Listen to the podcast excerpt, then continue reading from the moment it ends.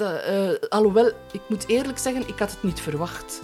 Want de boekdrukkunst was mijn instap voor Dirk Martens. Hè. Dat is Mhm. toch heel belangrijk geweest. Welkom bij De Taalverwervers, een podcast van Axon Graaf in samenwerking met NovaVox. Mijn naam is Dien Meert, uw host van deze gloednieuwe podcast. Een podcast over de visie en het verhaal achter het taalbedrijf Axon Graaf en dat door de ogen van Grietje de Graven. Grietje, we gaan een heel speciale stad bezoeken in deze derde aflevering, Aalst. En Aalst is eigenlijk toch wel een speciale stad voor jou, want het is eigenlijk wel je geboortestreek. Het was eigenlijk een beetje de grote stad voor jou. Ja, dat is helemaal juist. Eh, ik ben in de streek rond Aalst geboren. Eigenlijk ben ik in het hospitaal Aalst geboren. Maar dat is op amper drie, vier kilometer van mijn geboortedorp. Voor ons was Aalst de stad waar we op zaterdagmiddag met de grootmoeder eh mee mochten om iets te gaan kopen. En daarna mochten we dan in een heel bekend patisserie, maar ik ben nu echt wel de naam vergeten, mochten we een, eh, een koffietje of een, in onze tijd zal het wel een warme chocola geweest zijn, en mochten we een taartje gaan eten met grootmoeder. Dat was. Dat, en dat was de stad voor ons in die zin. Het was daar heel druk. Voor ons was de stad drukte. Het was een grote stad. Want eigenlijk kom je meer van het platteland. Ja, Meren is, een, is echt een platteland. Hè. Dus niet dat er daar enkel ehm, velden waren, maar er was toch veel meer ruimte. En er was zeker geen groot centrum zoals in Aalst. En ik ben daar ook naar school geweest. Eh, Ah, ja. Ik ben begonnen in Meren, maar dan ben ik naar Aalst gegaan, zoals veel van mijn broers en zussen in Aalst hebben gestudeerd. En dat was ook zo voor veel eh, van de jeugd. Dus Aalst was echt waar we, waar we ons secundair eh, gingen studeren. Nu, je zegt ja, in Aalst gestudeerd. Aalst is vandaag de dag nog, toch eigenlijk mogen we zeggen, een studentenstad. Ja. Hè? Je hebt daar ook nog tal van hogescholen zitten. Ja. Dat is ook een plaats waar dat Ah, je ja. inderdaad ook wel veel, veel komt, nog altijd dagdagelijks dan. Wel, ik heb daar ook gewerkt de eerste, laat ons zeggen, 20, 25 jaar van Wow, mijn eh, carrière na ik afgestudeerd ben. Eh, heb ik daar dus gewerkt, met heel veel plezier trouwens. Eh, dat Ik was, zie het, ik zie het. Ja, dat zo- was een, ja. een heel aangename sfeer onder de studenten en de lectoren. En we kwamen daar graag over de vloer en het eh, was heel aangenaam om daar les te geven. Aalst is een stad die natuurlijk bekend staat om zijn industrie, maar eigenlijk is het ook een, een recreatievere stad in principe. Je kan er toch wel lekker eten, leuk winkelen, mooi park. Het is er wel Ja. aangenaam natuurlijk. Het is er, het is er aangenaam om, om, om er eh, s s'avonds iets te gaan drinken. De klanten, er is daar heel veel wat te bezien valt. Bijvoorbeeld het standbeeld van Dirk Martens ehm, staat daar en daar hangt een geschiedenis aan. Ja. Eh, de link met mijn bedrijf is eh, dan ook direct gemaakt met Dirk Martens, omdat ik, en dat was heel leuk toen ik dat ontdekte, eh, in een voorwoord, ik dacht precies van, hé, hey, die man was daar ook al mee bezig. En mag ik dat even lezen? Ik heb dat voorbereid. Jij mag dat lezen, zeg maar. Dat is nu een echt citaat. Ja. Eh, het is een beetje oude taal, want hey, 15e eeuw. Ziende hoe sommige leraren de schoonste jaren van de jeugd verdrinken in gecompliceerde en stijve grammatica-regels, heb ik me aan het uitgeven gezet van het gespreksboekje. Een geschikt werkje enzovoort enzovoort. Dan gaat dat nog verder en dan op het einde zegt hij: Door de stroeve grammatica-regels worden velen afgeschrikt. En dat gaat nog wat verder. Dus, en die zinnen refereren precies eh, naar wat het probleem is eigenlijk nog altijd Vandaag de dag, ja. vandaag. In de scholen, wanneer ik hoor waar de studenten het meest eh, Tegenaan lopen. tegenaan lopen, eh, waarom ze het minst graag dat Frans doen, is dat de leraren nog steeds onvoorstelbaar veel belang hechten aan de grammatica-regels. Is dat niet zo, Dien? Heb, je dat ook niet zo ervaren? Eigenlijk inderdaad, ik kan me er zeker wel in vinden. En Ja. ook gewoon de manier soms waarop er les wordt gegeven. Uit het citaat blijkt dan, ja, op een stijvere manier. Ja, daar kan, daar kan ik wel eh, inderdaad mee aan correleren. Ja. Op een bepaald moment, ja. En dus het is een inzicht van een persoon in die tijd. En natuurlijk, 15e eeuw, in de 15e eeuw kon men alleen nog maar van intuïtie spreken op dit punt. Ja. Wat hij zei was niet wetenschappelijk onderbouwd. En wat het verschil is met vandaag, is dat we gezien hebben dat de linguïstiek is geboren.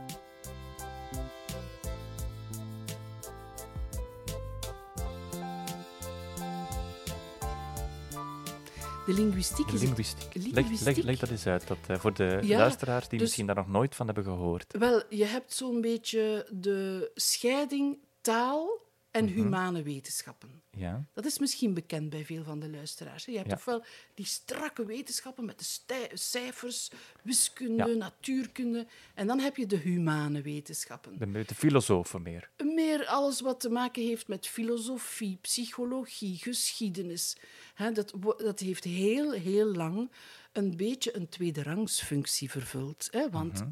Eh, de prioriteit ging naar het wetenschappelijke. Dat is zo al van bij Aristoteles. Ja. U bekend? al, ja, ja, ja, ja, die naam, ja, ja. Dat is al way back Dat is natuurlijk. Dat is, heel lang geleden. heel lang geleden. Maar die mens, die persoon, die filosoof, heeft ons wel heel sterk beïnvloed.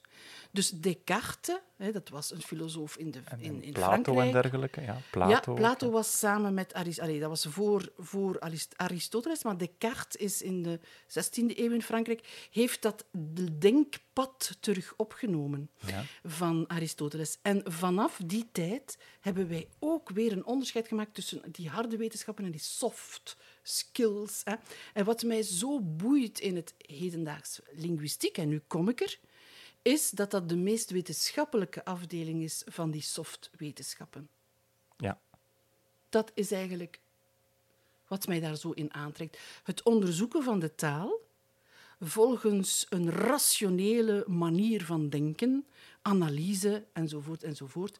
Maar nu vandaag wordt het nog veel interessanter, want we kunnen eh, de cirkel rondmaken. Ja. In de tijd van Aristoteles en zo verder bij Des- Descartes ook en in vele hoofden van vandaag is nog altijd het cijfermateriaal het belangrijkste. Ja. Wie meet, die weet. Die weet. Meten is weten. Ja, ja, ja. Ja. is weten. En nu kan ik zeggen, hé, hé, we hebben wel instrumenten nu hè, om allerlei zaken te meten. Ja. Namelijk als we die hersenen, als we daar zo een kapje op leggen en we gaan allemaal Ja, de elektroden neuronen. daar Ja, ja, ja. aanhangen, dan zijn mensen in staat, die neurowetenschappers, zijn in staat om te kijken wat er in die hersenen gebeurt. De stap naar de neurolinguïstiek is nog niet zo lang gelegd. En die stap hebben sommige leraars compleet gemist. En dat is eigenlijk waar dan accent graaf wel aan te pas komt, in de zin van dat er echt wel rekening wordt gehouden met ook bepaalde zaken die meestal worden vergeten. Goh, ik ga, ik ga nu niet opnieuw in binair denken vervallen Mhm. en zeggen van ja, die doen alles slecht en hè, als je je baseert op de neurowetenschap, doe je alles goed. Dat, is, dat, is, dat zou fout zijn. dus er is eh, heel lang terecht zeer veel aandacht gekomen voor het communicatieve aspect van de taal. Maar, maar het blijft nog altijd die inzichten en intuïtie, weliswaar gebaseerd op ervaring, en dat is heel goed, maar zonder dat cijfermateriaal. En dat cijfermateriaal kunnen we nu wel aanbieden. En daar pikt eh Axon op in.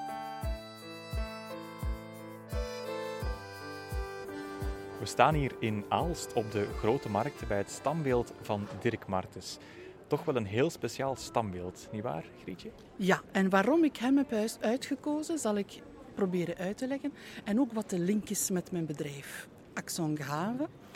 En dat is dat Dirk Martens, geboren in de 15e eeuw, eh, deel uitmaakt van de beweging, humanistische beweging, die in die eeuw in Europa eh, aanwezig was.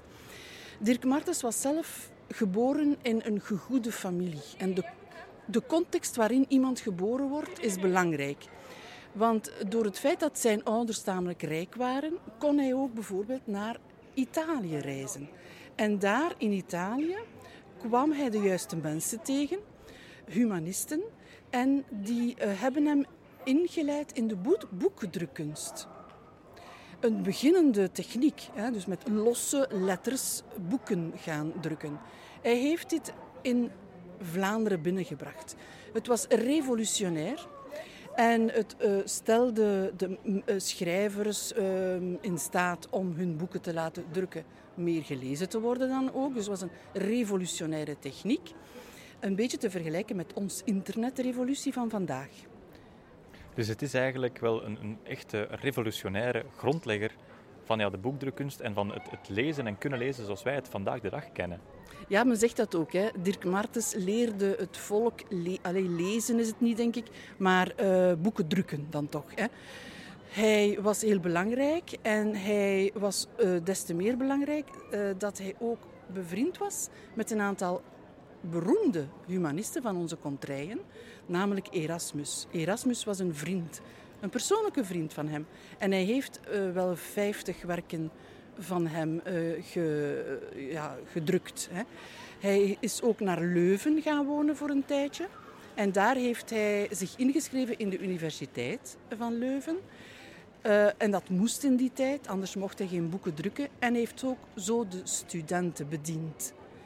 Die hem vroegen om goedkoop, goedkoop materiaal aan te bieden. En hij deed dat allemaal voor de studenten.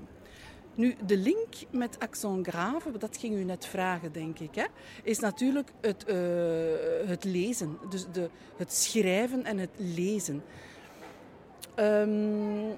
Dus effectief, het schrijven, het lezen behoort echt wel toe tot, tot, tot de, de kern uh, van het verhaal bij accent grave. Juist. Dus het is zo dat wij ons heel bewust richten op een mondelinge interactie tijdens de sessies.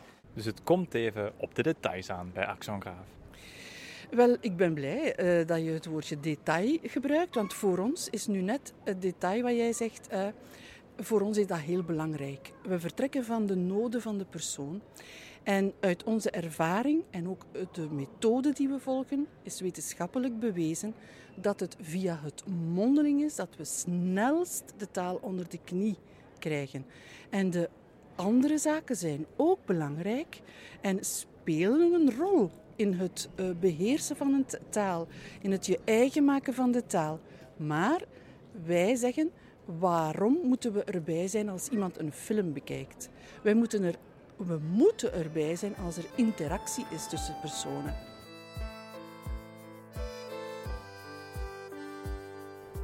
Nog een hele mooie locatie in Aalst is een prachtig huis in neo-Vlaamse renaissance-stijl.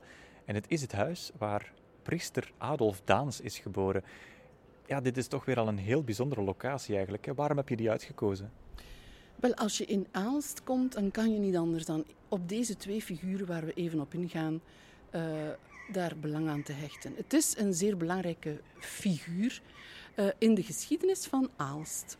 Waar moeten we die situeren? Oké, okay, daarnet ging het over Dirk Martens, dan zaten we in de middeleeuwen. Toen zaten we in de middeleeuwen. Nu zitten we in de 19e eeuw. En het is de eeuw waarin de eerste industriële revolutie uh, aan bod komt. Hè, die, die, die begon. En Adolf Daans werd getriggerd door de afschuwelijke, mensonterende omstandigheden waarin de arbeiders uh, moesten werken. Adolf Daans is een figuur die ook gekend is via de film die ervan gemaakt is en de musical Daans.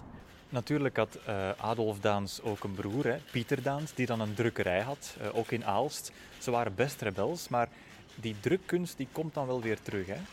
Dat is een beetje het thema van vandaag. Hè. Dus we hebben daarnet over het invoeren van de boekdrukkunst via Dirk Martens gesproken.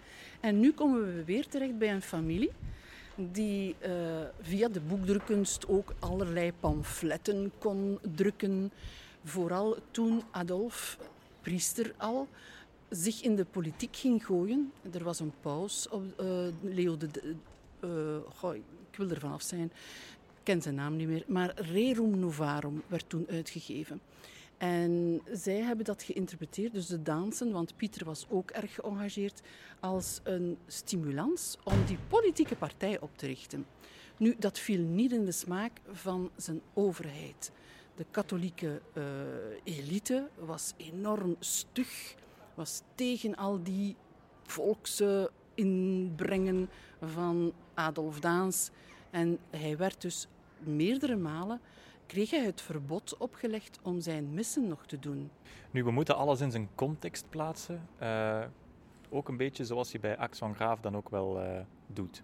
Ja, en dit is weer een goede aanleiding, want iedereen kent misschien beter de film of de musical, maar eigenlijk begint, de, het, het, uh, begint het te leven, of zijn leven komt terug in de kijker, via een boek.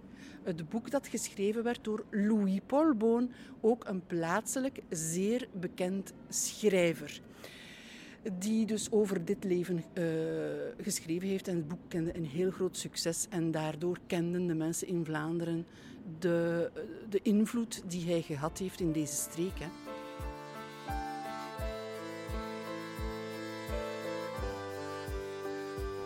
En dus ook de link naar mijn bedrijf is lezen. Als je gaat lezen, ga je de woordenschat die je elders bent tegengekomen of die een beetje passief in je hoofd zit, ga je die gaan activeren. Ga je die terug tegenkomen. Maar een tip is, als je dan toch woordenschat wil bijleren, leer de woordenschat misschien van de tien eerste bladzijden. En je zal zien dat elke auteur zijn eigen woordenschat heeft die telkens zal terugkomen. Maar wat ik helemaal, uh, dus daar, daar is mijn grootste kritiek uh, op de vele systemen van vandaag, van het mhm. aanleren van taal, is dat ze nog altijd dat spreken wel in theorie belangrijk vinden, ja. maar dat ze eigenlijk tijdens de les er alles aan doen om dat geschreven woord eigenlijk de voorrang te geven. Dus dat geschreven woord, die boekdrukkunst, daar heb je mijn link met Dirk Martens. Ja. Uh, maar um, dus uh, er moet het een en ander nog uh, op punt gezet worden. Want men zegt wel vaak communicatie dit en communicatie dat, maar de methodes waarop lesgegeven wordt, waarop taal gegeven wordt, zijn nog steeds gebaseerd op het schrijven. En dat is fundamenteel anders bij Axon Graaf. Wij hebben een een heel uh, duidelijke keuze gemaakt en we weten waarom voor het spreken. En natuurlijk, de klanten die zijn ook natuurlijk op de hoogte van de manier van werken als ze dan bij jullie aan boord stappen. Je wordt heel goed geïnformeerd over hoe en wat. Ja. En natuurlijk is deze podcast ook een grote meerwaarde om nog een beter inzicht te krijgen van hoe je precies te werk gaat met je klanten natuurlijk. Dat hoop ik. Dat is Dirk Martens eigenlijk een voorbeeld voor jou in het algemeen? Was hij een ehm, voorbeeld? ik, ik, ik, vind vele mensen uh, een voorbeeld. Allee, het, is wel iemand die tamelijk revolutionair was. Zeker. Want hij Net daarom, hè? Ja, zijn visie. Zijn, ja, Dus dat is iets. Ik denk dat dat ook een link uh, legt naar die methode die ik. Pas op, het is niet de methode die ik heb uitgevonden, dat wil ik benadrukken. Ja. Maar ik ben wel gevormd om die methode te mogen geven heb daar een certificaat uh, behaald over, uh, na, na een opleiding. Uh, dus niet iedereen kan die methode zomaar toepassen. Maar het is een methode waar ik eindelijk... Ik kwam thuis. Ik ga het zo zeggen. Ik had het gevoel van, het was dat is het. een bevrijding misschien. Het was na die jaren van lesgeven en de frustratie te merken van wat ik geef komt niet terug of kent geen weerslag op het moment van de examens. Ja. Hè? Je, je mag zeggen wat je wil, maar ik als persoon, als lesgever, ik vond dat altijd... Ik werd dan een klein beetje depressief daardoor. Je ja, dat maakt de studenten ook niet gelukkig dan, hè? En, voilà, en de studenten moeten ergens het gevoel hebben van we gaan vooruit. En telkens wanneer ze 4 op 10 halen, 45 op 100 of demotiverend. een C of een Ongelooflijk. dat demotiveert. Hoe kunnen we dat anders gaan doen? Ik denk, we zijn daar enorm over aan het nadenken. Ook het ministerie. En ik, ik, ik juich dat toe. En op LinkedIn ben ik ook verbonden met vele mensen die nadenken over hoe kunnen we taal een nieuwe impuls geven. Ja. Uh, ik ben daar heel blij mee. En ik wil daar een beetje met deze methode uh, te leren kennen aan de mensen die taal willen geven in de scholen.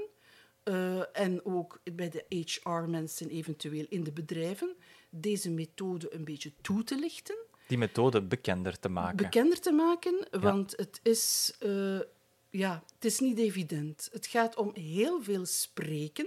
Merk je tegenstand? Ehm, ja, toch wel. Ja, uh, ik zal een, een voorbeeld geven. Ja. Ik heb een coach. Bij mij zijn de coachen heel belangrijk. Ik kies die niet zomaar. Bedoel je Dus- een taalcoach Een of een, taalcoach, een life dus- coach? Of... Dus een taalcoach. Ja. Ik noem dat coachen, je zou misschien kunnen zeggen, ja, trainers. Ja, ja, een, coach, een taaltrainers. coaching, ja, Eigenlijk is het taaltrainers. een taaltrainer.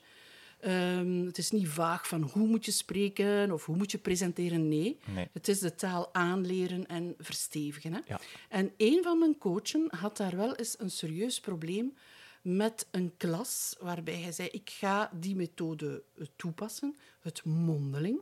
Hè? En hij eh, ja, had allerlei zaken voorbereid, behalve een handboek of een cursus. Ja. En na de tweede les kreeg hij al van de studenten, maar ze waren maar tien jaar oud, hè. Het was echt lagere school. Eh, kreeg, hij, kreeg hij eigenlijk al het verwijt van we, we hebben geen enkele houvast, we hebben geen handboek, alles gebeurt mondeling, eigenlijk doen we niets in de les. En we doen niets in de les is absoluut niet waar. Integendeel. Het is natuurlijk wel zo dat het heel belangrijk is om ook de taal op een vlotte en een fijnere manier onder de knie te krijgen. Ik denk dat we daar wel kunnen bij, bij besluiten dat het eigenlijk wel heel belangrijk is. En dat Dirk Martens wel een, een groot voorbeeld van jou is. Ja, daarin. ja. Ik heb en een ontdekt, voorloper. ik heb ja. ontdekt dat, eh, alhoewel, ik moet eerlijk zeggen, ik had het niet verwacht. Want de boekdrukkunst was mijn instap voor Dirk Martens. Hè. Dat is Mhm. toch heel belangrijk geweest eh, dat die boekdrukkunst er was. Want, want hoe gebeurde het vroeger? Als men een boek in de, in de hand wilde krijgen, dan bestelde men hè, in de kloosters bestelde men een exemplaar en dan gingen de monniken aan het schrijven. En kopiëren en doen. En, ja, ja, ja. en, en je moest toch wel wat centen hebben om Ja. dat te kunnen doen. Om af te sluiten, Dirk Martens blijft een mooi voorbeeld voor jou. Ja, eh, zeker. Wens je meer informatie over de werkwijze van Axon Graaf? Of wil je deze aflevering herbeluisteren? Surf dan naar www.axongraaf.be of ga naar Spotify, Google Podcasts of Apple Podcasts. En volg ons zeker op LinkedIn en Instagram.